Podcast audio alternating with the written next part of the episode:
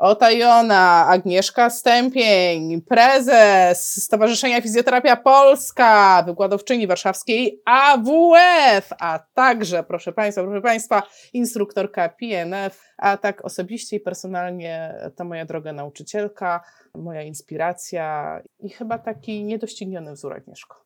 Tak bym Cię przedstawiła. Asiu, dziękuję. No takie show zrobiłaś naprawdę. Wszystkich witam. Nie widzę tych waszych pisów. Cześć, cześć. Witam was wszystkich i chciałam wam powiedzieć, że Asia była jedną z najlepszych studentek i zawsze miała, zawsze robiła show. zawsze miała dużo do powiedzenia, więc no rzeczywiście dzisiaj w tym jest najlepsza. Witam was serdecznie. Dodajmy, że nie zawsze mądrze, nie zawsze mądrze i w ogóle wiesz co, super, że to... To było dobrze, Asiu. Super, że to powiedziałaś, bo ja mam takie wspomnienie właśnie związane z zajęciami u ciebie.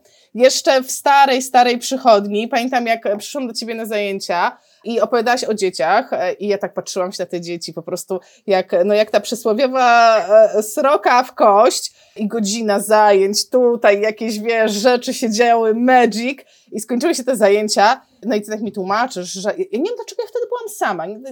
Po prostu naprawdę nie kojarzę, żeby wtedy była grupa. W każdym razie tak, taka czułam się naprawdę zaopiekowana i że wszystko mi wytłumaczyłaś i że to wszystko było tak super. Ja się pytam, ale ja przepraszam, a, a, a, a co to była za choroba? A to takie po prostu, że tak powiem brzydko, jak w mordę strzelił MPD.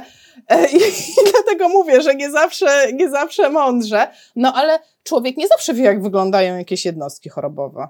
No ja też tak myślę, a poza tym słuchajcie, myślę, że ja wtedy też byłam strasznie zestresowana tym, że w ogóle prowadzę zajęcia ze studentami, bo na początku to dla mnie też był wielki stres i studenci byli fantastyczni, ale na początku mnie przerażali. Teraz już mnie mniej przerażają i też są fantastyczni. A pytają się, co to za pacjenci, co to za choroba? Pytają się, chociaż czasami niepotrzebnie boją się pytać. To znaczy, nie, może nie mnie, ale mówią o tym, że boją się pytać wykładowców. I słuchajcie, nie trzeba się bać, tylko trzeba się pytać i to jest czasami rzeczywiście tak, że jak się uczy ludzi i się pracuje wiele lat w zawodzie, to wydaje nam się, że jest takie wszystko oczywiste. A to wcale nie jest oczywiste. Także proszę studentów, żeby się nie bali, żeby pytali. Pokazujesz im e, swoich pacjentów, e, no tych, o których dzisiaj będziemy rozmawiać, choroby nerwowo-mięśniowe? Tak, staram się pokazywać. No te ostatnie półtora roku było bardzo trudne, bo no wszyscy wiemy, jak to wyglądało, tak? I, I to rzeczywiście też był trudny czas w nauczaniu, bo myślę, że mm, teraz jak obowiązuje RODO i coś robi bez zgody pacjenta e, w takim trudnym czasie, no to jest niedopuszczalne. Także myślę, że ci studenci z ostatnich roczników troszkę stracili, ale pewnie nadrobią, jak będzie live ze studentami. No tak. A jakbyś tak miała opowiedzieć osobom, które w ogóle nie mają pojęcia, bo umówmy się, to są rzadkie choroby. To nie są pacjenci, z którymi się e, po prostu spotykamy o, od tak w każdej przychodni. Jakbyś miała opisać, co to jest za pacjent w ogóle? Co, co to jest ta choroba nerwowo-mięśniowa? Bo to jest worek chorób, tak? Tak, słuchajcie, to jest. E, tego się chyba nie da nauczyć, tak można powiedzieć. To trzeba czuć. Ja takich pacjentów mam pod opieką pewnie jest kilkuset i części z nich towarzyszę kilkanaście lat. Może później opowiem historię o mojej pierwszej pacjentce, jak będzie chwila czasu. I jacy to są ludzie? Słuchajcie, to są, myślę, wspaniali ludzie. Znam wiele osób z chorobami nerwowo-mięśniowymi, które może mają pewne ograniczenia w funkcjonowaniu. Może tak, no bo dlatego spotykają się z nami. Mają wiele talentów. I mam takich pacjentów, takich czasami przyjaciół pod opieką, którzy są, wspaniale śpiewają, tworzą muzykę. Chciałam Wam powiedzieć, że dzisiaj miałam w gabinecie dziewczynkę, która ma dwa i pół roku, która fantastycznie mówiła, używając bardzo trudnych słów i potrafiła liczyć od jednego do dziesięciu. I uwaga, umiała rozpoznać cyfry. Więc wyjęła sobie klocki i mówiła, mamo, to są dwie jedynki. I to są właśnie tacy pacjenci, tak, że ja mówię, Boże, do rodziców mówię, słuchajcie, ona jest na etapie, ja nie wiem, pięciolatka chyba w tym momencie. I to są tak niezwykłe e, dzieciaki, jeżeli będziemy je prowadzić e, od początku. I dorośli są niezwykli. I miałam taką przyjemność, żeby dwa tygodnie temu spotkać znakomitego pana, który może, nie wiem, czy sobie tego życzy, więc nie będę może mówić jego nazwiska, ale jeździ na wózku ma rdzeniowy zanik e, mięśni, postać taką trzecią, czyli to są tacy pacjenci, którzy kiedyś chodzili, chociaż przez moment. Ten pan jest podróżnikiem i opowiadał w czasie tego spotkania o swojej historii, kiedy wybrał się w daleki świat ze swoim kolegą, który bodajże był po uszkodzeniu rdzenia kręgowego. I zjechali we dwóch, jechali przez pustynię, zatrzymywali się w hotelach i opowiadał, jak właśnie sobie radzili. I to są właśnie tacy pacjenci. To są niezwykli ludzie, bardzo inteligentni, bardzo wrażliwi i jak będziecie mieć taką możliwość, żeby pracować z takimi pacjentami, to myślę, że będziecie bardzo usatysfakcjonowani tym. Wiesz co, ja mam takie wspomnienie i to też jest wspomnienie ze studiów, że kiedy uczyliśmy się właśnie e, o dystrofiach, o zanikach mięśni, o tych wszystkich chorobach, to takim wspólnym mianownikiem do tego było to, że ci pacjenci zaraz umrą. I to było takie, wiesz, takie po prostu takie piętno. Mnie się wydawało, że to jest po prostu najgorsza choroba pod słońcem, że jak już że jak już masz dystrofię, no to jeju, po prostu to, to, jest, no to jest nie do przejścia. No stoisz nad grobem, praktycznie urodziłeś się, stoisz nad grobem. Ja tak sobie pozwalam mówić ostro, bo ja mam męża z dystrofią i, i, i wiem, że wiem z własnego doświadczenia, że to tak nie wygląda. Ale to, co powiedziałaś, kompletnie kłóci się z tym, e, co ja wyniosłam ze studiów. Kompletnie. No, jest pytanie, czego się uczyliśmy na studiach. E, ja miałam akurat bardzo dobrą nauczycielkę. To była pani Ewa Jaraczewska, która miała możliwość uczenia się za granicą. I pamiętam e, wykład, ja byłam wtedy na trzecim roku, i pamiętam po, po pierwsze dlatego, że przyszła na wykład w takiej e, krótkiej spódnicy mini, w kratę. I oczywiście wszyscy bardzo byli zainteresowani jej wyglądem, i to pamiętam do dzisiaj ale po drugie pamiętam o tym, jak opowiadała, jak wygląda fizjoterapia we Francji bodajże. I powiedziała, słuchajcie, jest szkoła Otwocka i Falenicka. Dla tutaj osób z okolicy Warszawy to wiedzą, o czym e, ja mówię. I właśnie mówiła o tym, że w Polsce ta fizjoterapia stoi na bardzo wysokim poziomie. I ja muszę powiedzieć, że do tej pory inaczej wygląda fizjoterapia w Polsce i za granicą. I to jest taki wątek, który jak będzie czas też możemy rozwinąć później, bo ja mogę całą godzinę się opowiadać tymi pytań, żadnych nie zadasz, więc muszę się pilnować bardzo. Ale chcę Wam powiedzieć, że rzeczywiście my się uczyliśmy. Ja się uczyłam, że większość, w przypadku większości chorób nerwowo-mięśniowych życie jest krótkie i szybko się kończy. I może teraz opowiem o mojej pierwszej pacjentce, jak właśnie byłam taką młodą, dobrze wyedukowaną panią magister i poszłam do pracy, do przychodni rehabilitacyjnej. Ja to czasem y, moim studentom też opowiadam. I tam właśnie zostałam poproszona do gabinetu neurologa. I pani neurolog, y, w tym gabinecie było dwoje rodziców z małą dziewczynką. Ta dziewczynka miała 10 miesięcy. I pani neurolog powiedziała do rodziców: Proszę Państwa, dziecko cierpi na najcięższą postać rdzeniowego zaniku mięśni i umrze między drugim a czwartym rokiem życia. Spotkania są z panią Agnieszką, są potrzebne po to, żeby poprawić jakość funkcjonowania. Słuchajcie, to był dla mnie taki szok, jako dla młodej osoby, w jaki sposób po pierwsze można przekazać informacje rodzicom. Pamiętam, że ta mama wtedy miała utratę przytomności, wzywaliśmy karetkę. I ja wtedy taki miałam cel. Ja chyba tak myślę, że to było takie przeznaczenie, że ja z, tą, z tymi dzieciakami i wszystkimi dorosłymi zostałam i jestem przez cały czas, z nimi żyję blisko. E, dlatego, że ja wtedy taki miałam cel, żeby za wszelką cenę nie pozwolić, żeby ta dziewczynka umarła. I mm, opiekując się nią, jeździłam w różne miejsca w Polsce, y, byliśmy też za granicą, szukając dla niej pomocy. I ja jeżdżąc z tym dzieckiem, wiem, że mało specjalistów na świecie zna się na tej chorobie. Nikt nie wie, co robić w fizjoterapii. To jest nowe, to jest dla wszystkich nowe, bo to jest choroba rzadka. I jeszcze chcę Wam powiedzieć, że ta dziewczynka ma teraz 29 lat i kończy doktorat. I to chciałam jakby z tej całej perspektywy mojej pracy jest takim chyba podsumowaniem tego, czego się uczyliśmy, co jest teraz, a teraz w ogóle dla tych pacjentów akurat z rdzeniowym zanikiem mięśni strasznie długo wszyscy czekali na lek i tego leku nie było i była walka o te dzieciaki, żeby jak najdłużej dobrze funkcjonowały. I teraz nagle rozwiązał się worek. I teraz mamy z tego worka wyskoczył pierwszy lek, który się podaje do rdzenia, później wyskoczył drugi lek, później trzeci lek. W tej chwili mamy leczenie genetyczne, czyli po prostu jest pełny wybór leczenia i ja mam olbrzymią satysfakcję, bo teraz doświadczamy czegoś zupełnie nowego, dlatego że doświadczamy w tej chwili opieki nad dziećmi, które dostają lek po urodzeniu, które mogą się w miarę normalnie rozwijać, które zaczynają chodzić, takie dzieci, które kiedyś leżały podłączone do respiratorów, zaczynają chodzić, to znaczy mówię w sensie te najsłabsze dzieci, które kiedyś podłączano do respiratorów, zaczynają chodzić, tak jak dzisiaj właśnie ta y, dziewczynka, która tak świetnie liczyła, to jest coś niesamowitego. To jest taki cud, który trwa w Polsce też od dwóch lat. No i cały świat się uczy, dlatego że nikt nie zebrał doświadczeń, co po prostu z tymi pacjentami trzeba robić, jak robić, i wszyscy się tego w tej chwili uczymy.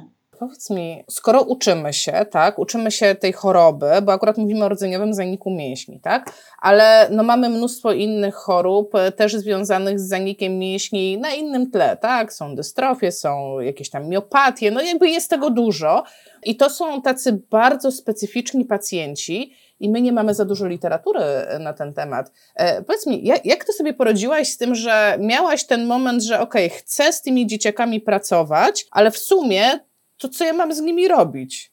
Jak zebrałaś własne doświadczenia, nie wiem, popełniałaś błędy, no, no bo skąd, skąd ty to umiałaś? Ja tego nie umiałam, ja to wymyślałam.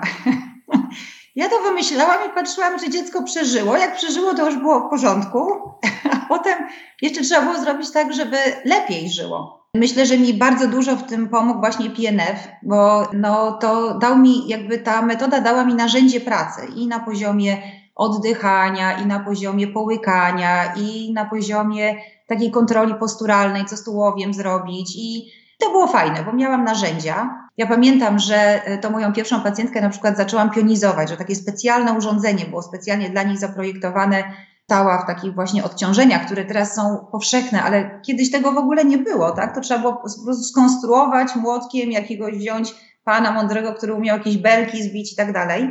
I teraz słuchajcie, potem zaczęła się, ale to już po jakimś czasie, jak troszkę miałam tych dzieciaków pod opieką, to zaczęła się właśnie współpraca z fundacjami, różnymi organizacjami pacjenckimi. I to jest praca bardzo twórcza. Jeżeli są tutaj jacyś miłośnicy chorób nerwowo-mięśniowych, to ja chętnie Was zabiorę na różnego rodzaju warsztaty, czy takie wydarzenia organizowane przez te fundacje, bo tam na przykład to tak wygląda, że jest wynajęty hotel i na przykład przyjeżdża, pamiętam taką jedną konferencję, gdzie przyjechało około 200 rodzin chorych z całej Polski, w ogóle z zagranicy ci ludzie przyjechali, różne języki, tak? I teraz zwykle te fundacje proszą, żeby fizjoterapeuci zorganizowali badanie. No i my wtedy robimy tak, że robimy, zbieramy wolontariuszy, robimy taką naradę wojenną, że mówię, słuchajcie, mamy pewien temat badania. Dzisiaj na przykład badamy stawy biodrowe, albo dzisiaj badamy klatkę piersiową i patrzymy, co się dzieje tutaj, w tułowiu. Następnym razem patrzymy, czy dzieci mają ograniczenia zakresu ruchu.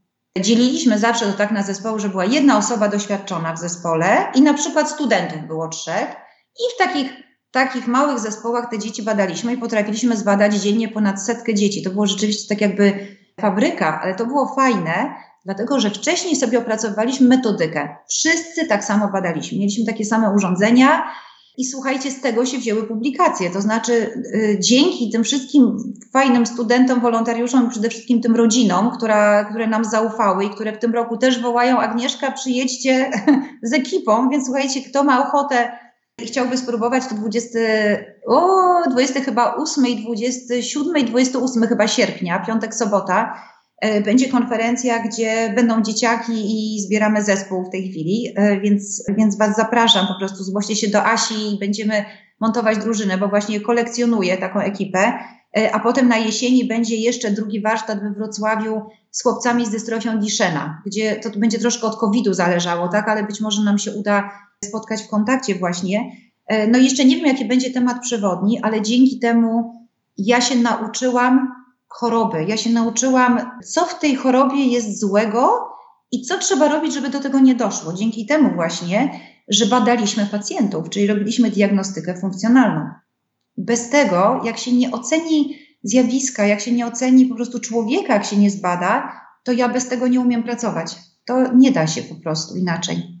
A jakbyś miała tak podsumować, e, co najczęściej było problemem u tych pacjentów? Co jest takie, wiesz, co się powtarza i po prostu wiadomo, że jak już, nie wiem, e, mamy Dishena, to na stówkę będzie problem tam, nie wiem, X, a jak mamy SMA, to na stówkę będzie problem Y. No dobra, to może zacznę, niech będzie, że od dystrofii Dishena. Może zacznę. Dobra? Bo tak, żeby zmienić trochę temat. Słuchajcie, no to w ogóle te choroby są inne, bo jest tak, że zanik mięśni szybko jest rozpoznawany. Czyli czasami są takie dzieci, które w pierwszym miesiącu coś się po prostu dzieje. Dzisiaj na przykład też zadzwoniła pani, mówi pani Agnieszko, błagam, czy można przyjąć, bo y, był chłopczyk, jest chłopczyk w rodzinie, który podnosił głowę i nam się wydaje, że on przestaje tą głowę trzymać.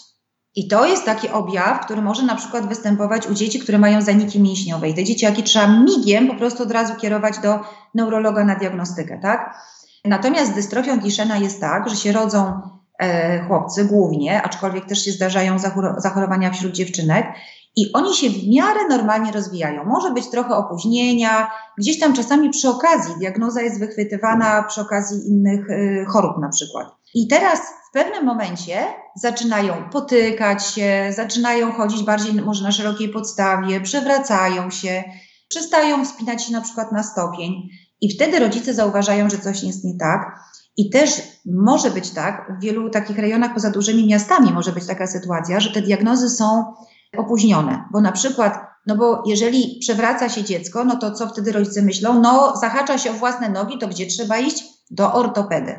No to ortopeda bada dziecko i mówi, nie no, ja tu nic nie widzę. Biodra w porządku, kolana, może opóźniony rozwój, a może przytył za bardzo, a może no to poczekajmy, co będzie się działo, tak? Dziecko dalej się przewraca. Czasami ortopedzi odsyłają do neurologów, wtedy zaczyna się diagnostyka. I gdzieś po tych tygodniach diagnozy, czasami są to miesiące, trafiają do dzieci do nas z rozpoznaniem. Z takim właśnie już zaburzeniem, że coś jest nie w porządku w funkcjonowaniu, ale w pozycjach wysokich, tak? Czyli dzieci chodzą właśnie po schodach i tak dalej. No i wtedy y, rozpoczyna się walka o to, żeby ci chłopcy jak najdłużej chodzili. To jest, y, Asia, mamy czas, że ja coś mogę o tym opowiadać, czy nie? Oczywiście. Nie bardzo. Oczywiście. Mogę, to ja teraz się rozwinę. Ja się teraz rozwinę, dobra? Wszystko I, możesz. Słuchajcie, nie mam zdjęć, ale, ale właśnie ym, to też jakby proces wpadania na pewien pomysł zajmuje kilka lat. Jak się zobaczy 10 razy te same dzieci, albo właśnie, które się pogarszają, i wtedy je badamy i wiemy, że coś się zepsuło tym dziecku, tak? No i później mówimy, aha, to tego wcześniej nie zauważyłam. To może w takim razie u tych dzieci, e, które następne są, musimy to zbadać wcześniej, ten objaw. Czyli na przykład to, co jest dystrofii charakterystyczne, to po pierwsze chłopaki zaczynają chodzić na palcach, a po drugie, co jest charakterystyczne, to mają przodopochyleniu miednicę ustawioną i obserwujemy sobie u nich takie wzrastające napięcie mięśni grzbietu. Teraz y, kolejny objaw jest taki, że jak podnoszą się z podłoża, to y, w taki charakterystyczny sposób opierają się na swoich nogach. To się nazywa wstawanie po sobie to już świadczy o tym, że e, tam nie funkcjonują dobrze wszystkie mięśnie kończyn dolnych, czyli dochodzi do osłabienia mięśnia czworogłowego, mięśni pośladkowych. Ale zawsze mnie też fascynowało, dlaczego ci chłopcy z wiekiem zaczynają chodzić na coraz szerszej podstawie. Mi się zawsze, ja tak sobie myślałam, że to są może zaburzenia równowagi, tak, że, że okej, okay, no dobra, chodzi na palcach, ma zwiększoną lordozę, środek e, ciężkości przesunięty do przodu na stopę, w związku z tym ma większe obciążenie przedostopia, no ale teraz dlaczego nagle się robi takie ustawienie kończyn w odwiedzeniu? Zaczęliśmy na jednych z takich warsztatów, zrobiliśmy taki właśnie e, fajny warsztat, że przywiozłam plurimetry i inklinometry i zrobiliśmy sobie badanie krzywin kręgosłupa z tymi, z tymi, znaczy na sobie najpierw się uczyliśmy. I zbadaliśmy tych chłopaków równoległym ustawieniem kończyn, a potem poprosiliśmy, żeby stanęli na złączonych, ze złączonymi stopami. No i teraz co się okazało? że już w czasie tych pojedynczych e, pomiarów widać było, że w momencie, kiedy się złączy nogi, to zwiększa się przedopochylenie miednicy. No ale to było takie 4 stopnie, 5 stopni, ale teraz, żeby ocenić, że to jest prawda, no to trzeba zrobić całą analizę. Więc trzeba było nazbierać dużo tych dzieci e, i mam właśnie taką, taką analizę skompletowaną. Jeszcze nie zdążyłam w ogóle artykułu na ten temat napisać, ale zaraz powiem, jakie z tego wnioski są, tak? że e, okazało się, że to jest istotna różnica, czyli w momencie, kiedy złączymy stopy i zrobimy pomiar przodopochylenia miednicy, to jest to większy pomiar niż wtedy, kiedy nogi są ustawione w rozkroku, znaczy no tak równolegle. Czyli teraz zobaczcie, oni chodząc na szerokiej podstawie, w jaki sposób zmniejszają sobie przodopochylenie miednicy. Ale teraz z drugiej strony, jeżeli sobie wyobrazimy normalne chodzenie, to w normalnym chodzeniu trzeba zrobić tak, żeby ten środek ciężkości tu w części lędźwiowej przenieść nad stopę, czyli to znaczy przywiedzenie w stawie biodrowym. A oni są ustawieni w odwiedzeniu. No i teraz, jak to odkryliśmy, to później na kolejnym zjeździe zaczęliśmy badać, jakie są zakresy przywiedzenia i wyprostu w stawie biodrowym. I się okazało, że ci chłopcy mają przykurcz odwiedzeniowy, i teraz u nich pewnie jest taki mechanizm, że mięsień naprężacz powięzi szerokiej zaczyna zastępować funkcje mięśni pośladkowych. Czyli zmienia się, to jest taki kroczek po kroczku, malutka cegiełka po cegiełce, coś po prostu wypada z funkcjonowania i dochodzimy do takiej sytuacji, że po prostu nie potrafię chodzić. No i teraz z takich obserwacji co dalej wynika? Że od początku zakresy ruchu w stawach biodrowych trzeba badać, że trzeba od początku zmniejszać lordozę, że trzeba od początku zmniejszać napięcie mięśni grzbietu, że trzeba ćwiczyć mięśnie pośladkowe, że trzeba ćwiczyć mięśnie brzucha, tak? Jak ćwiczyć, to jest zupełnie inna sprawa, ale bez badania nie ma terapii, po prostu. Także to jest z chłopcami. Mogę jeszcze coś o miopatiach teraz, tak? Coś powiedzieć, czy nie? Dajesz. Nie. Że na przykład w miopatiach jest też wiele dzieci, które chodzą z miopatią. To, co jest charakterystyczne u nich, co jest niezwykłe, to większość tych dzieciaków ma bardzo dużą lordozę, ale czasami to jest tak duża lordoza, że spłaszcza się nawet kifoza piersiowa. Czyli oni troszkę wyglądają jak chłopaki z dystrofią Duchena, ale są z reguły te dzieci szczuplejsze. I teraz to, co u nich jest niezwykłe, to są kosmiczne, przepraszam za takie wyrażenie, proste, przykurcze. Czyli jest jakaś taka budowa mięśni, że o ile w dystrofii Duchena na przykład można dbać o zakresy ruchu, to w miopatiach te ograniczenia ruchu są bardzo szybko narastają i bardzo trudno sobie z nimi e, poradzić. I myślę, że to musi być jakiś związek z uszkodzeniem po prostu włókien e, mięśniowych. I to jest właśnie bardzo charakterystyczne dla dzieci z miopatią. One w zasadzie wszystkie te dzieci, ale myślę, że właśnie z miopatią u dzieci widzę dużo takich ograniczeń w obrębie buzi. One mają takie bardzo szczupłe buzie. E, mam, słuchajcie, takie dzieci pod opieką, które nie, mają taką y, deformację, y, taką y, jakby boczną czaszki, że mają zdeformowany zgryz i nie mogą zamknąć ust. Czyli jest przez cały czas mają buzię otwartą, mają jakby za, za dużo tutaj zębów, nie wiem jakby to powiedzieć, ale nie mogą zamknąć buzi. I wiecie co, ja się zawsze zastanawiam, jak te dzieci jedzą i piją. Czy ja bym potrafiła coś pogryźć, jak mam usta otwarte? I czy ja bym potrafiła połknąć, jak mam otwarte usta, a te dzieciaki to robią. I to jest niesamowite, czyli one dostosowują, część tych dzieci dostosowuje się jakby w tym funkcjonowaniu do tego, co u nich jest i one sobie radzą. Czasami sobie nie radzą, ale czasami sobie radzą, tak? E, więc to jest tak pokrótce w miopatiach. A zaniki mięśniowe teraz to jest, słuchajcie, to jest zwycięstwo. to znaczy, są dzieci, y, y, y, teraz jak jest w ogóle totalnie inna bajka była przed i totalnie inna bajka jest po, teraz, jak lek jest. Więc teraz to, co ja widzę u tych dzieci, to, że się zaczynają dużo szybciej rozwijać, pionizują się szybko. To, co nie działa, na co lek nie działa niestety, to jest to, że narastają ograniczenia ruchu u niektórych dzieciaków, nie u wszystkich. Ale słuchajcie, w dalszym ciągu większość dzieci ma skoliozę.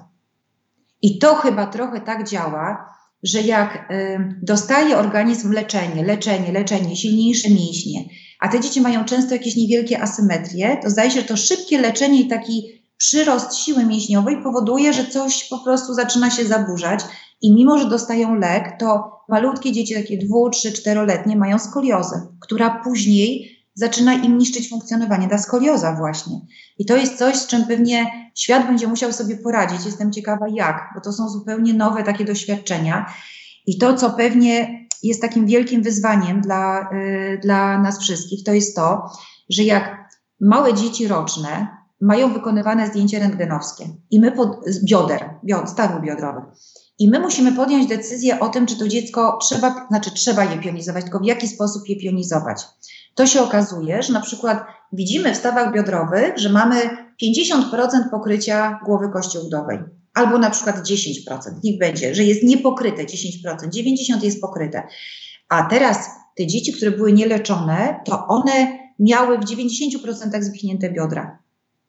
I teraz, jaka to jest dla nas odpowiedzialność i jak te dzieci trzeba poprowadzić, że one się wspinają i chcą stawać i rodzice mówią, a czy możemy już bez żadnych ortez, bez pionizatora prowadzić, dziecko chce za rączki chodzić, a my się po prostu trzęsiemy, czy to biodro się zwichnie w pewnym momencie, czy się nie zwichnie.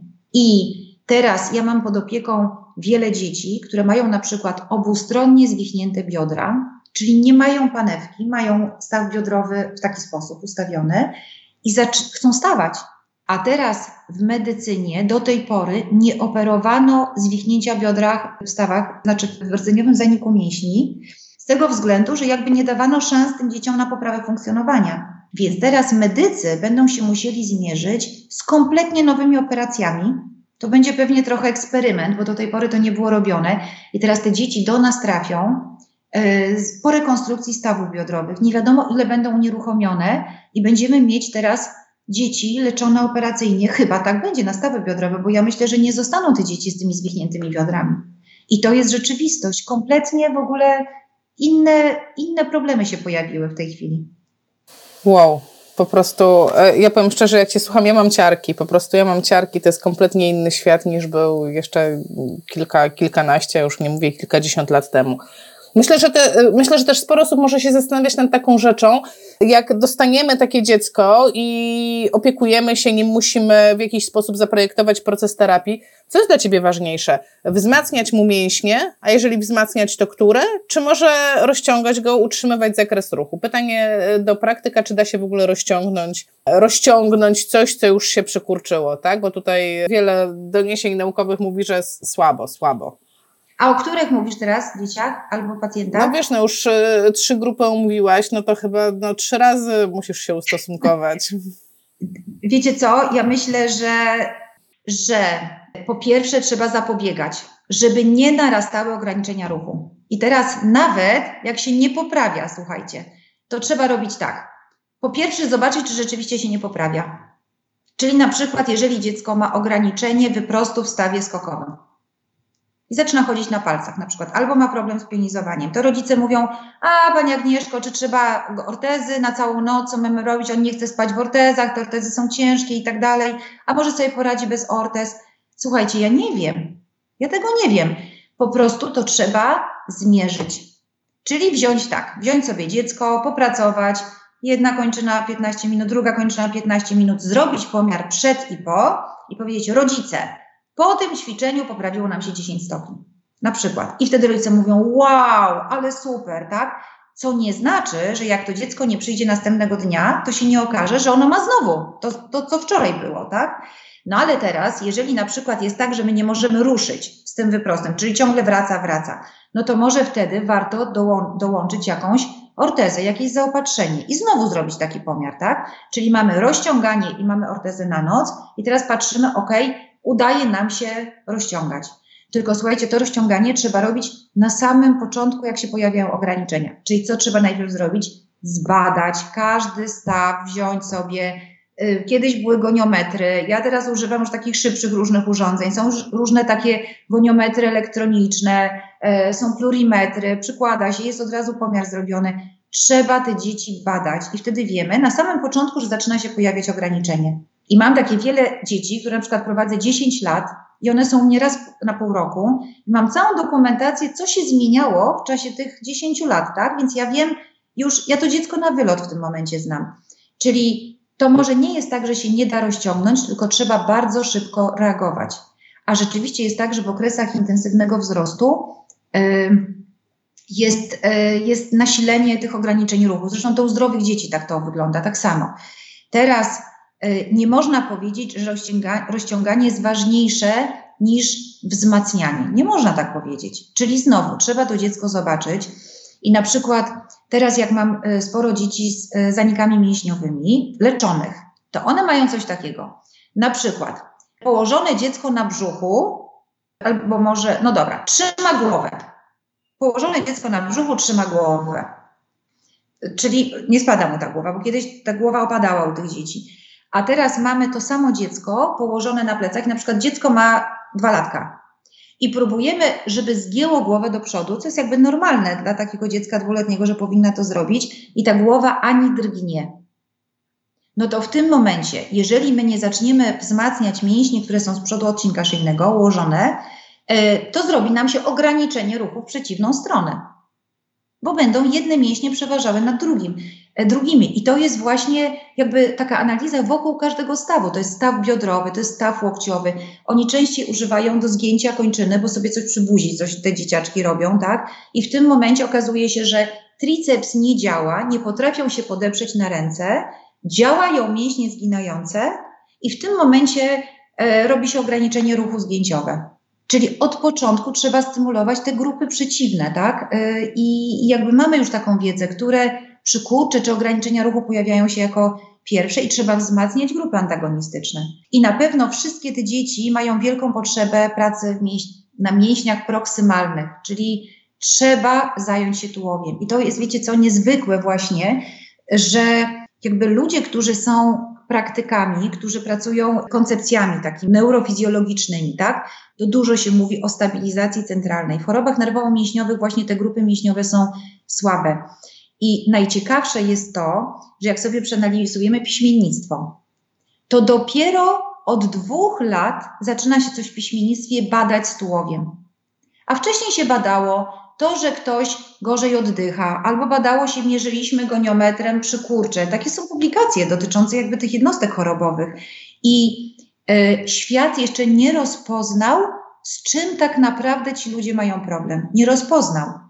I chcę powiedzieć, bo myślę, że nas ludzie słuchają, y, polscy, że tak powiem tutaj, że ja naprawdę uważam, że my w Polsce mamy najlepszych fizjoterapeutów na świecie ale mówię pod kątem takiego warsztatu terapeutycznego, tak? Bo inne ośrodki gdzieś w Stanach, w Kanadzie mają super finansowanie, badania naukowe, tam się płaci, że ktoś robi badania, tak? Także oni nas wyprzedzili może w takim publikacjach różnych, ale słuchajcie, mówią to pacjenci w Polsce i ja miałam takie przeżycie, które było dla mnie bardzo ciekawe, że właśnie jak e, pracowałam z e, rodzinami z zanikami mięśniowymi i pojawiły się pierwsze próby kliniczne i te dzieci wyjeżdżały za granicę, to część rodzin z Polski wyemigrowała do Francji. I jak oni tam trochę pobyli, tam właśnie oni mieli takie warunki, że nie mogą przyjeżdżać do Polski, tylko muszą być na miejscu i tam są badania, obserwowanie i tak dalej. Więc ci rodzice rzucili pracę, pojechali tam, zatrudnili się, sprzątali domy, gdzieś tam garaże sprzątali, malowali i tak dalej. Mieszkali tam, dzieci były leczone i wiecie czego nie mieli? Fizjoterapii. Bo się okazuje, że tam nie ma jakby wiedzy czy, czy, czy jakby takiego nawyku terapii dziecka z chorobą nerwowo-mięśniową. I teraz co zrobili? Zorganizowali przyjazd mój, to znaczy poprosili, czy ja pojadę do Paryża. Więc ja oczywiście of course, tak? Oczywiście nic nie widziałam poza wieżą Eiffla, którą minęłam i później już spędziłam wszystkie dni po prostu w pomieszczeniu i były kolejne rodziny i kolejne rodziny. Ale wiecie, co te mamy y, y, mówiły?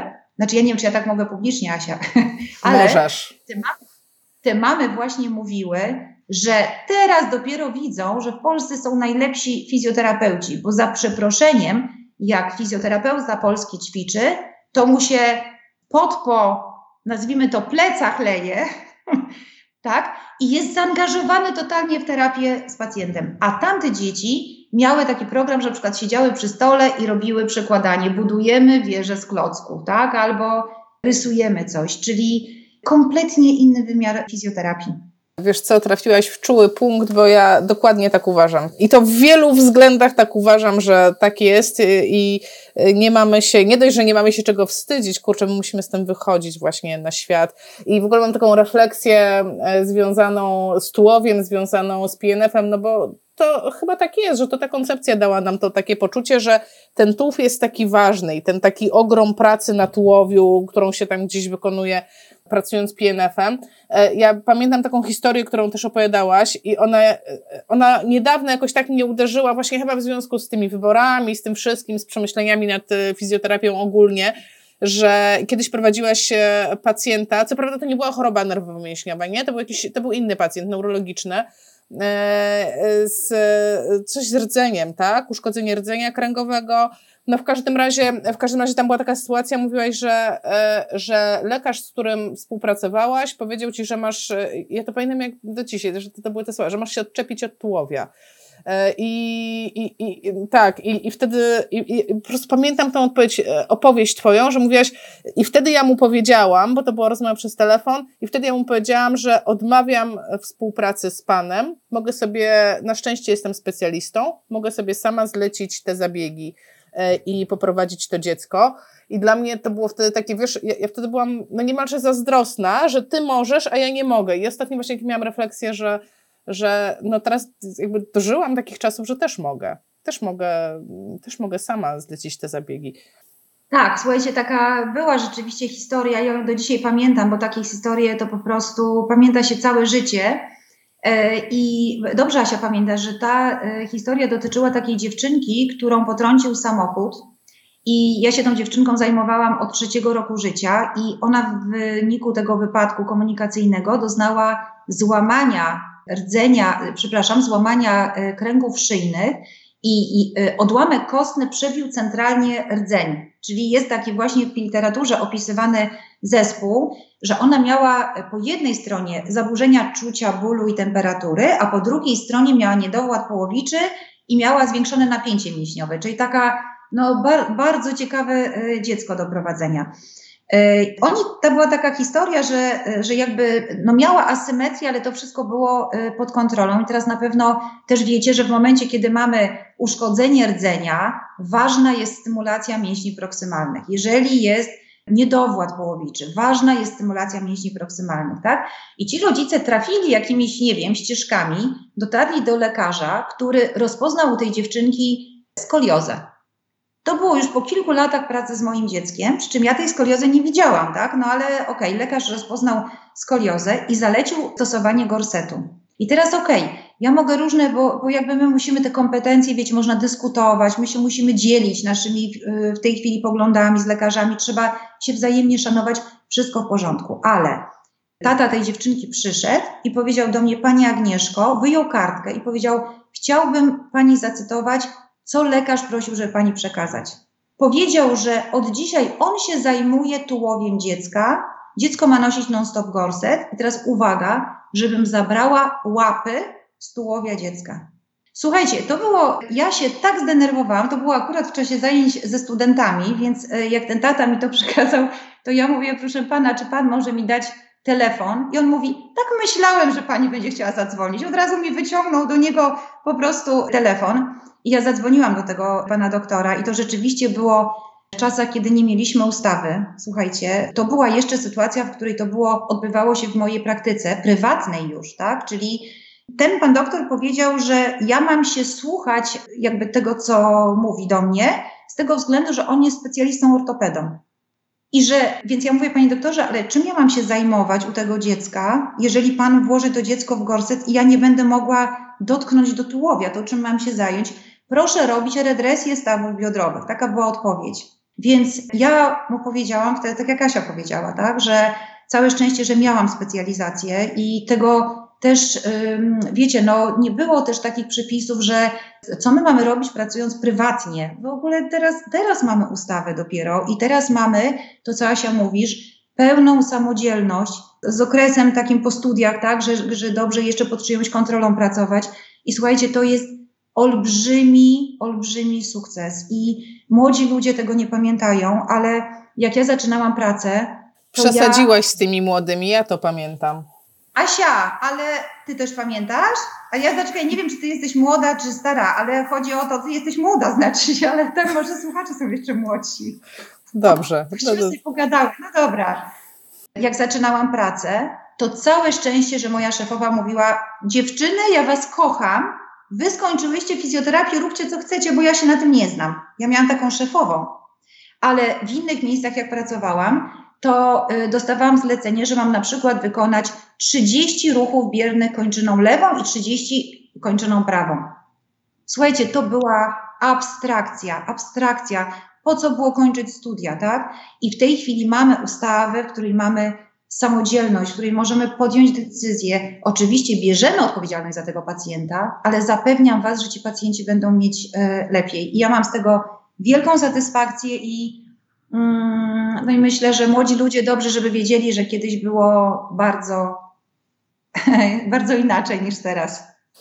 Wiesz, tak sobie myślę, że gdyby, gdyby nie taka, no powiedzmy, no nie wiem, taka buta twoja, twoich kolegów, twoich koleżanek, gdzie wy żeście się zbuntowali i powiedzieli, nie, kurde, ja nie będę machał 30 razy, ja se zrobię ten tuw, czy tobie się to podoba, czy nie. W ogóle wielki szacun, nie wiem, czym miała odwagę, daj Boże, żeby tak. Ale to dzięki temu dzisiaj możemy poprowadzić takiego live'a i dzięki temu możesz dzisiaj powiedzieć, wiecie co, ważne jest wzmacnianie e, grup antagonistycznych, ważne jest utrzymywanie ruchomości, ważne jest, e, nie wiem, to czy tamto, a tutaj jeszcze nie mamy zebranych informacji, jak będziemy rehabilitować dzieci, tam, nie wiem, po terapii genowej, tak? Do końca nie wiemy. Tak? A e, chciałam jeszcze na chwilę wrócić do generalnie do chorób nerwowo-mięśniowych, bo tak ogólnie. Czy masz takie poczucie, Asia, że. No. Asia, a mogę coś powiedzieć do, do słuchaczy? Oczywiście. Że, y, bo słuchacze jeszcze o tym nie wiedzą, ale y, tak, masz rację, że to jest fajne, że my to wszystko możemy powiedzieć, ale w życiu jeszcze trzeba mieć szczęście, żeby trafić na ludzi, którzy uwierzą w człowieka, którzy uwierzą w drugiego człowieka. I ja pewnie trochę tej buty miałam dzięki temu, że uczył mnie profesor, to był profesor Zajfryd, który był lekarzem ortopedą, był wspaniały. I wiecie co, on był wymagającym szefem ale on zawsze mówił: Dzieci, wy jesteście wspaniałe. Wy umiecie coś, czego nie potrafią lekarze. Wy musicie to głosić, wy musicie tego uczyć. We mnie wierzył lekarz. Mi się wydaje, że ja dzięki temu potrafię, potrafiłam jakby wierzyć w siebie i chcę powiedzieć, że y, wszystkim, że ja się bardzo cieszę, bo ja wierzę w moich studentów. Ja teraz widzę, na jakim oni poziomie no tam, że ściągają, to już nie będę mówić, nie? Bo ja nie ogarniam tego, jak oni ściągają, ale że po prostu są wspaniali, planują, prowadzą pacjentów, e, zaraz niedługo po studiach i, i to jest w ogóle 10 półek wyżej niż ja byłam kiedyś. Też mam takie poczucie, że nawet jak, nawet jak piszemy czasami w internecie, rozkminiamy przypadki, to, to, są, to jest zupełnie inny poziom niż ten poziom, z którego ja startowałam. A powiedz mi, bo ja tak, nawet jak patrzy się na, na badania naukowe, na postęp medycyny, na, na to, co robimy, opowiadałaś też mi historię, że twój pacjent ostatnio nie dostał się na terapię, pacjent z Dishenem, tak, ze strofią Dishena, nie dostał się na terapię, bo był za dobry, bo przyjechał z Polski i był za dobry, był za silny, dystrofik był za silny. To dziecko, co przypomnijmy, nie wiem, w latach 60. umierało w wieku 14 lat, a w tej chwili ci pacjenci dożywają do 30, nawet 40 lat, tak? Bo mówimy o takim niesamowitym postępie w medycynie, ale również tak sobie lubię pomyśleć, że to jest też postęp fizjoterapii. Z tego, co ty mi mówisz, no to tak, ćwiczeniami możemy e, wydłużyć ich jakość funkcjonowania na wyższym poziomie. Myślisz, że dojdziemy do takiego momentu, że naprawdę będziemy w stanie no nie wiem, w jakimś stopniu zatrzymać chorobę, albo jakby y, y, szukam odpowiedzi, gdzie są granice fizjoterapii. Jak ty to widzisz? Hmm. Czy są granice fizjoterapii w ogóle? nie wiem. Posłuchajcie, rzeczywiście było tak. Teraz tych chłopców już dwóch takich miałam i teraz właśnie w dystrofii Duchenne zaczyna się taki czas, kiedy są testowane nowe leki. I znowu zaczyna się pielgrzymka rodzin z Polski do Europy, do tych ośrodków, które prowadzą y, próby, no i tam trzeba się zakwalifikować do tej próby. I właśnie przyjechała mama, to było pewnie z miesiąc temu, która popłakała się na zajęciach i powiedziała: Pani Agnieszko, odrzucili mojego syna. Powiedzieli, że jest za dobry, dlatego że wszystkie próby to są takie specjalne y, skale funkcjonalne do oceny właśnie chłopców y, czy dzieci, znaczy z dystrofią Duchenne'a i okazało się, że wszystkie próby zrobił na maksymalną liczbę punktów. No i mówi, wyszedł profesor i powiedział, no przepraszam, ale państwa sen jest za dobry. I ta mama do mnie powiedziała, to po co my żeśmy tyle ćwiczyli? To może było lepiej nie ćwiczyć i on by dostał wtedy ten lek już teraz, a nie musielibyśmy czekać następne dwa lata. No i teraz ja y, mamie powiedziałam, proszę pani, on jest w stanie takim wyjściowym w tej chwili, w wieku 6 czy 7 lat, że jemu wystarczy jeszcze tego, jakby co ma w ciele i fantastycznie funkcjonuje. A teraz ten czas leczenia, słuchajcie, tymi wszystkimi lekami, to też jest tak, to nie jest powiedziane zawsze, że dostanie, dostanie dziecko lek, bo może dostać też placebo, czyli były też takie rodziny, które czekały cały ten czas, ten próby, yy, mówili, no my dopiero niedługo po zakończeniu dowiemy się, czy to było placebo, czy to był prawdziwy lek, tak? Więc to może być trochę też czas taki zmarnowany czasami, w sensie, że gdzieś ci rodzice są za granicą, zaprzestają czegoś. Yy, I słuchajcie, to jest, to jest ciężka, to jest w ogóle temat yy, rzeka. Jak był COVID, i nasza, moja tutaj, mój ośrodek był y, zamknięty przez kilka tygodni, to znaczy no, pacjenci byli tak przestraszeni, że po prostu bali się przyjechać. To ja wtedy siedziałam kilka godzin dziennie, y, y, właśnie na Skype miałam konsultacje, tak? To słuchajcie, ludzie z Europy, po prostu polskie rodziny, z Rzymu, z Danii, gdzieś tam, ze Szwecji się łączyły, właśnie z dziećmi z zanikami mięśniowymi, korzystały z tego momentu, co my mamy robić, bo tutaj nie wiadomo, co robić z naszymi pacjentami. pacjentami. I mm, miałam też taką historię y, na konferencji, kiedy spotkałam, to była konferencja dotycząca zaników mięśniowych, kiedy rozmawiałam z taką fizjoterapeutą, która przyjechała z Anglii. I y, jak się dowiedziała, że ja jestem z Polski, nas tam przedstawiono, to powiedziała: O, my mamy z wami problem w Anglii. Ja mówię, ale dlaczego wy macie problem w Anglii nagle, tak? I mówi tak, bo wasze dzieci do niczego nie pasują bo nasze dzieci w Anglii mają rozpisaną jedną godzinę fizjoterapii w miesiącu, w miesiącu, która polega na przystosowaniu ortez, wózka, do domu fizjoterapeuta jedzie. Jedna w miesiącu. A wasze dzieci ćwiczą codziennie i wy nam do niczego nie pasujecie. No i teraz ja myślę, że z punktu widzenia takiego badawczego to rzeczywiście może być problem, tak? Teraz powiedziała, ale, ale mówi, wiesz, Tutaj jest trochę fizjoterapeutów z Polski, tylko że oni przyjmują tylko prywatnie, ale wiesz, wizyta u nich dużo kosztuje. ja mówię, no pewnie, że wiem. Także widzicie, no tak to właśnie jest, że trzeba czasami się łokciami rozpychać. Nie wolno przesadzić, nie wolno, bo choroby nerwowo-mięśniowe są bardzo czułe na y, przeciążenia, na wysiłek i Teraz jest właśnie pytanie, gdzie jest ta granica, tak? Że to, że to jakby trzeba wybadać, bo to nie jest dokładnie opisane. Natomiast tak a propos, Asia, mogę jeszcze coś powiedzieć, czy już całkiem przesadzam? Agnieszka, możesz wszystko. Mogę, bo ja jeszcze taką opowiem Wam historię, że, która miała miejsce dwa lub trzy lata temu, że był w Polsce organizowany warsztat przez czasami firmy farmaceutyczne, które wprowadzają jakiś lek, organizują takie szkolenia, że zabierają ludzi z iluś państw na świecie i robią taki warsztat. I ja zostałam na ten warsztat zaproszona i chętnie pojechałam, dlatego że on dotyczył fizjoterapii w dystrofii Duchenne. Powiem Wam, że byłam tak oburzona, to znaczy nie wiem jak powiedzieć, ja byłam tak zaskoczona poziomem tego warsztatu, że nawet zadzwoniłam do mojej koleżanki z uczelni, żeby od razu jak stamtąd wyszłam po tych dwóch dniach podzielić się, bo ja sobie nie mogłam poradzić wewnętrznie z tym, co Y, robili tam fizjoterapeuci i lekarze. I teraz była oczywiście na samym początku taki wstęp dotyczący wytycznych y, leczenia w ogóle w dystrofii Duchenne'a. I to wszystko się zawsze przygotowuje na podstawie badań naukowych. Czyli jeżeli nie ma badań naukowych, no to jakby to nie powstaje, nie jest to włożone w rekomendacje, tak? No i teraz było tam oczywiście powiedziane, że należy stosować e, leki, ortezy, gorsety, jeżeli zaczyna się skolioza, no i że e, pacjenci powinni chodzić, pływać, e, było chyba jeździć na rowerze, w każdym razie takie ogólne zalecenia do tego, tak? No i do tego jeszcze należy rozciągać, robić stymulację oddech oddechową, i chyba się na tym kończyło. I słuchajcie, później były po tych całych wykładach, były warsztaty.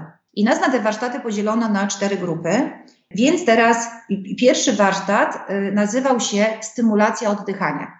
Wiecie, no myślę, że dla mnie, dla Asi, to też jest tak, jak stymulacja oddychania, to sobie patrzymy, czy klatka jest zgięta, czy jest wyprostowana, gdzie jest jedna, gdzie druga łopatka, czy są żebra zapadnięte, jak jest głowa ustawiona, czy nie ma napięć mięśniowych. Przykładamy ręce, pracujemy, człowiek oddycha, tor brzuszny, tor piersiowy.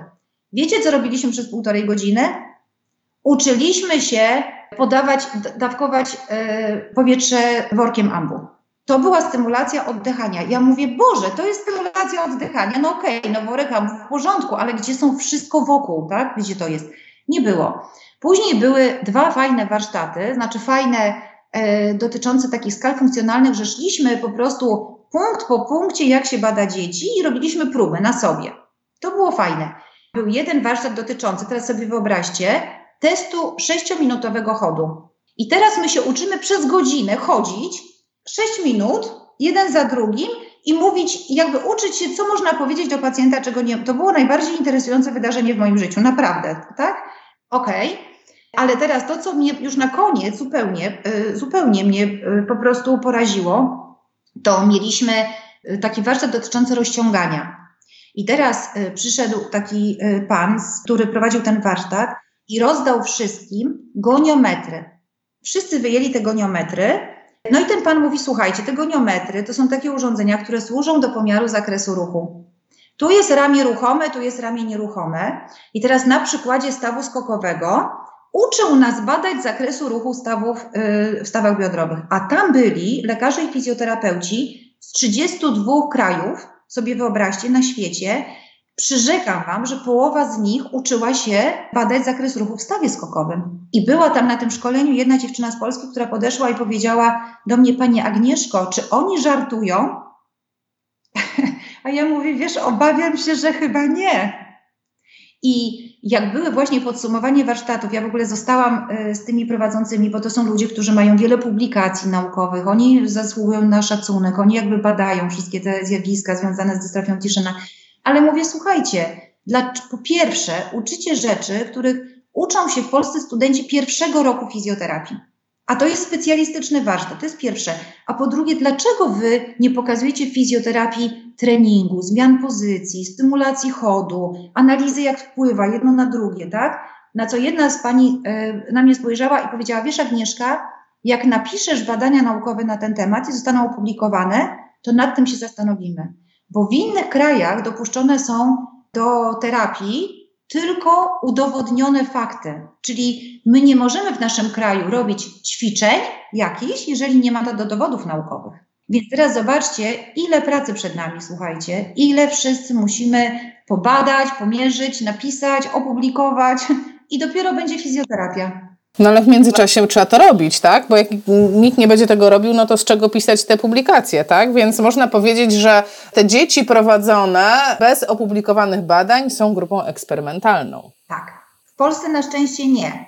No bo w Polsce możemy, sami projektujemy proces fizjoterapii, tak? I bierzemy za to odpowiedzialność.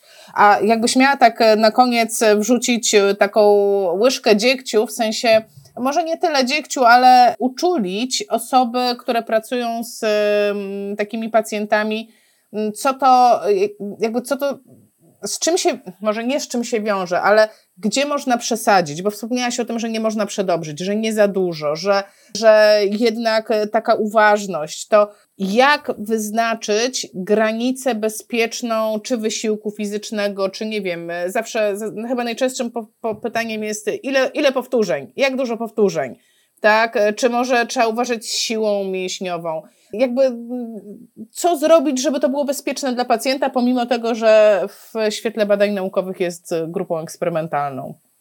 Hmm. Posłuchajcie, więc tak, Pierwsza sprawa, jeszcze nie dotycząca siły, tylko zakresu ruchu. Nie można wchodzić z dzieciakami w ból.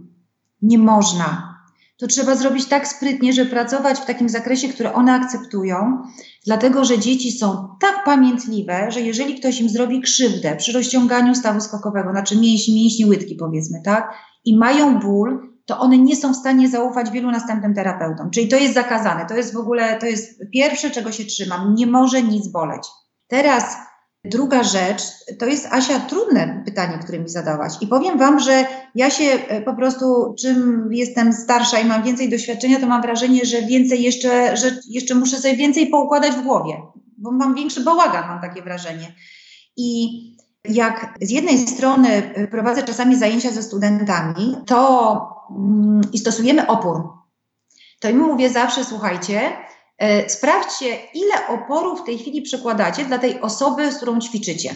No i widzę, że osoba na stole prawie umiera, ktoś tam daje opór. Ja mówię, ile ty dajesz oporu? No i ten, który przykłada opór, mówi, ja 10%, a ten, który leży, mówi, Jezu, ja to 90%, matko, jakie to 10%, tak?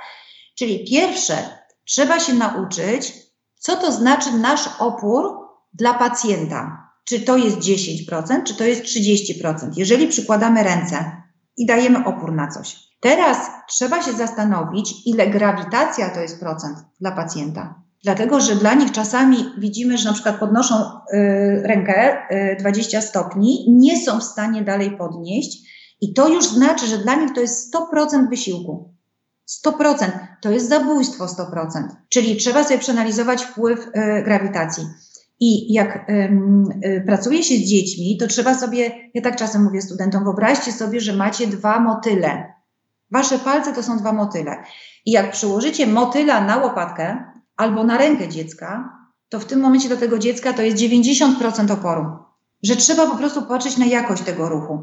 I teraz jest pytanie, jaki opór dawkować. Ja nie wiedziałam, jak odpowiedzieć na to pytanie, ale przez lata, y, na przykład, wiecie, spędziłam wiele czasu na studiowaniu książek z fizjologii, żeby poczytać o mięśniach. I tam znalazłam taką, wydaje mi się, receptę, która wydaje mi się, że jest fajna, a mianowicie tam jest napisane, że jeżeli opór dla mięśnia to jest 70% i więcej, to dochodzi do niedokrwienia tego mięśnia. I mi się wydaje, że w chorobach nerwowo-mięśniowych nie powinniśmy przekraczać granicy 70%. Czyli jeżeli grawitacja stanowi 90 albo 100%, to może warto sobie tego pacjenta na przykład położyć na boku i popracować w pewnym, w pewnym zakresie kończyną, w mniejszym oporze, tak, żeby po prostu ilość powtórzeń, jakość ruchu, żeby nie całe ciało się nie napinało, czyli trzeba myśleć o tym y, oporze. I teraz właśnie często mnie rodzice pytają, ile mamy zrobić powtórzeń jakiegoś ćwiczenia. I to jest też moja recepta, to nie jest nigdzie opublikowane, ale widzę, że to nie przemęcza ludzi, że im mówię, słuchajcie, jeżeli na przykład dziecko potrafi 10 razy wstać z krzesła i byście chcieli trenować wstawanie z krzesła, to 10 to jest 100%, weźcie z tego maksymalnie 70 i to jest wasza seria treningowa. Czyli to jest moim zdaniem maksymalne obciążenie, żeby nie zrobić krzywdy, tak? Że, czyli 7 powtórzeń jednorazowo może zrobić, nie dopuszczamy do zmęczenia.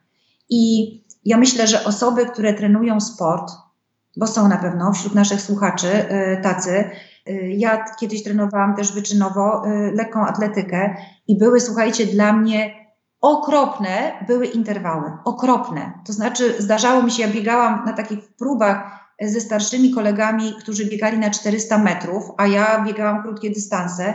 Więc słuchajcie, jak z nimi się przebiegłam, to było, było tak, że wymiotowałam, nie mogłam się poruszać, że po prostu to były takie przeżycia. I to jest całkowite zabicie organizmu, to znaczy jest olbrzymia szokowa reakcja i tego nie możemy, do, jakby nie możemy do tego dopuścić u tych pacjentów.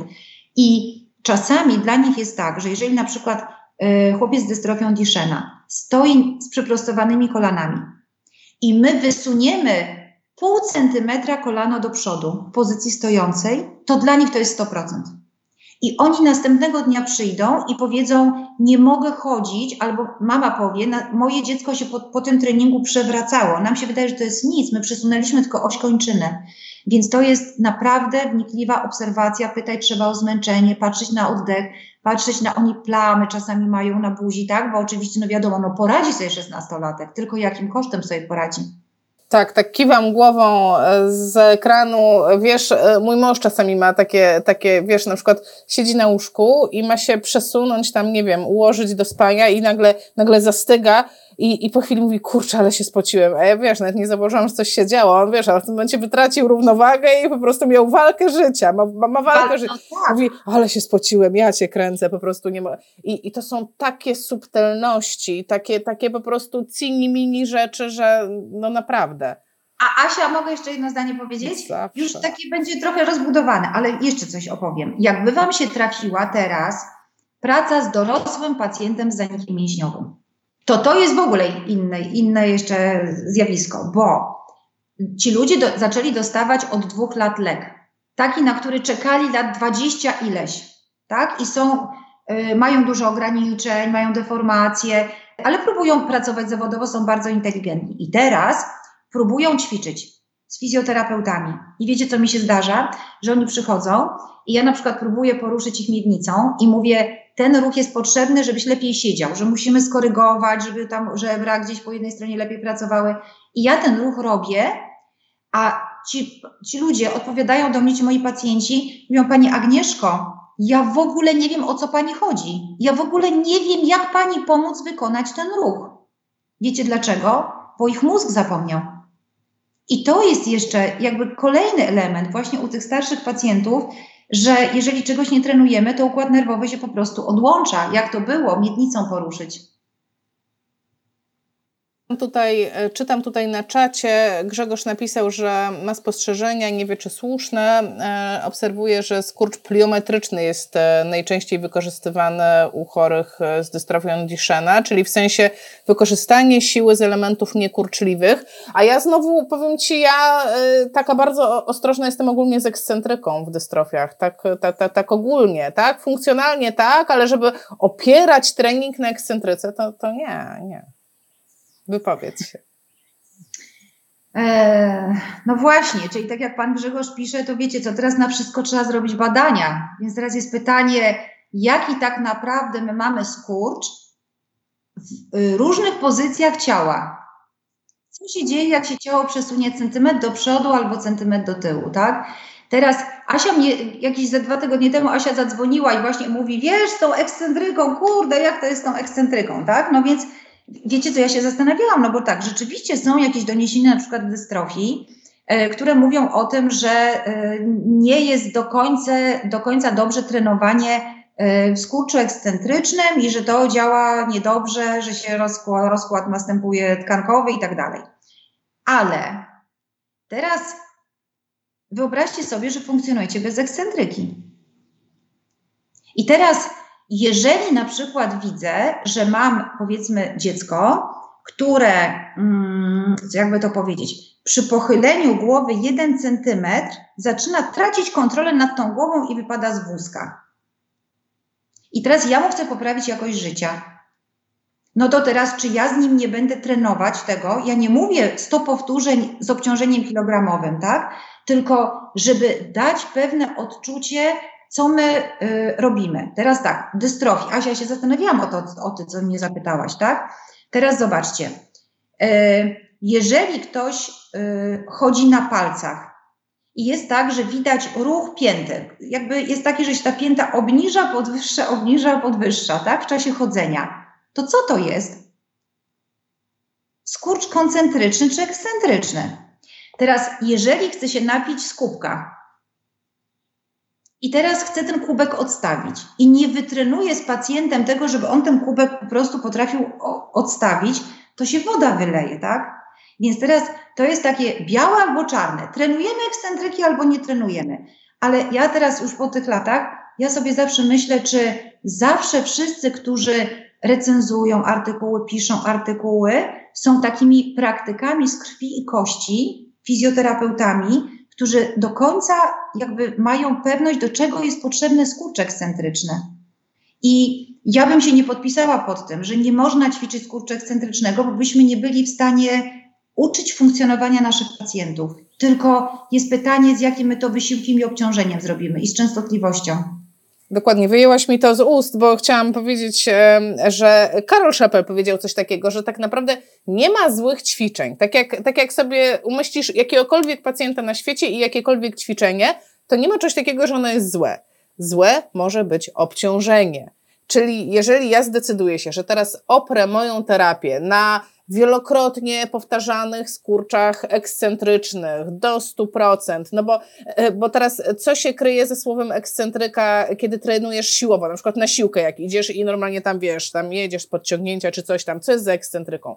Yy, zwiększony wysiłek mięśniowy, zwiększona yy, możliwość mięśnia do generowania siły, nie? Bo to stoi za tym.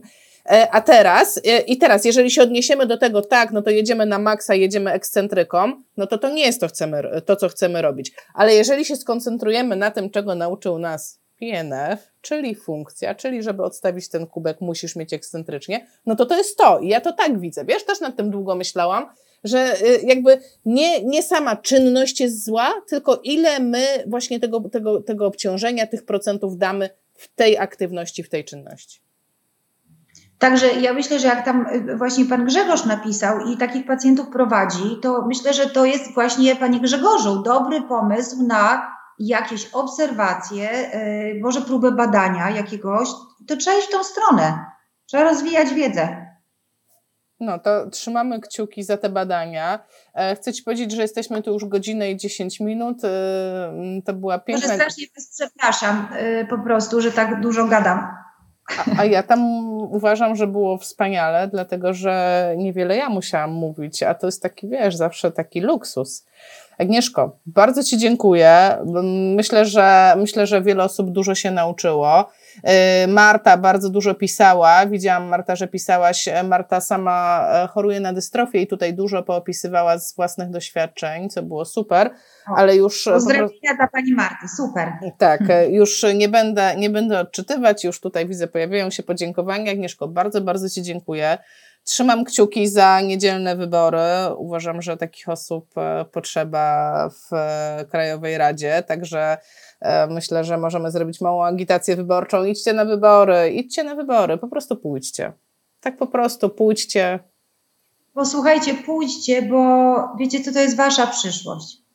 I, I myślę, że wiele młodych osób może tak do tego podchodzi. E, ja o coś w życiu zawalczyłam. Asia ze mną walczyła jako młodsza studentka, tak? I, i mamy już takie doświadczenia, e, że się udało coś wielkiego wygrać i E, wy też możecie wygrać. I, I ważne jest po prostu, żeby e, w Radzie naszej e, fizjoterapeutów byli ludzie, którzy są bardzo zróżnicowani, tak? I mają różne pomysły, mają różne marzenia i, i Was bardzo proszę, żebyście po prostu znaleźli godzinę. Wiem, że ma być upał, ale można pójść z rana i, i może się tam zobaczymy. Także wszystkiego dobrego Wam życzę. Dziękuję, że byliście. Wszystkiego dobrego. Dziękuję bardzo, dziękuję za wspólnie spędzony wieczór. Do zobaczenia.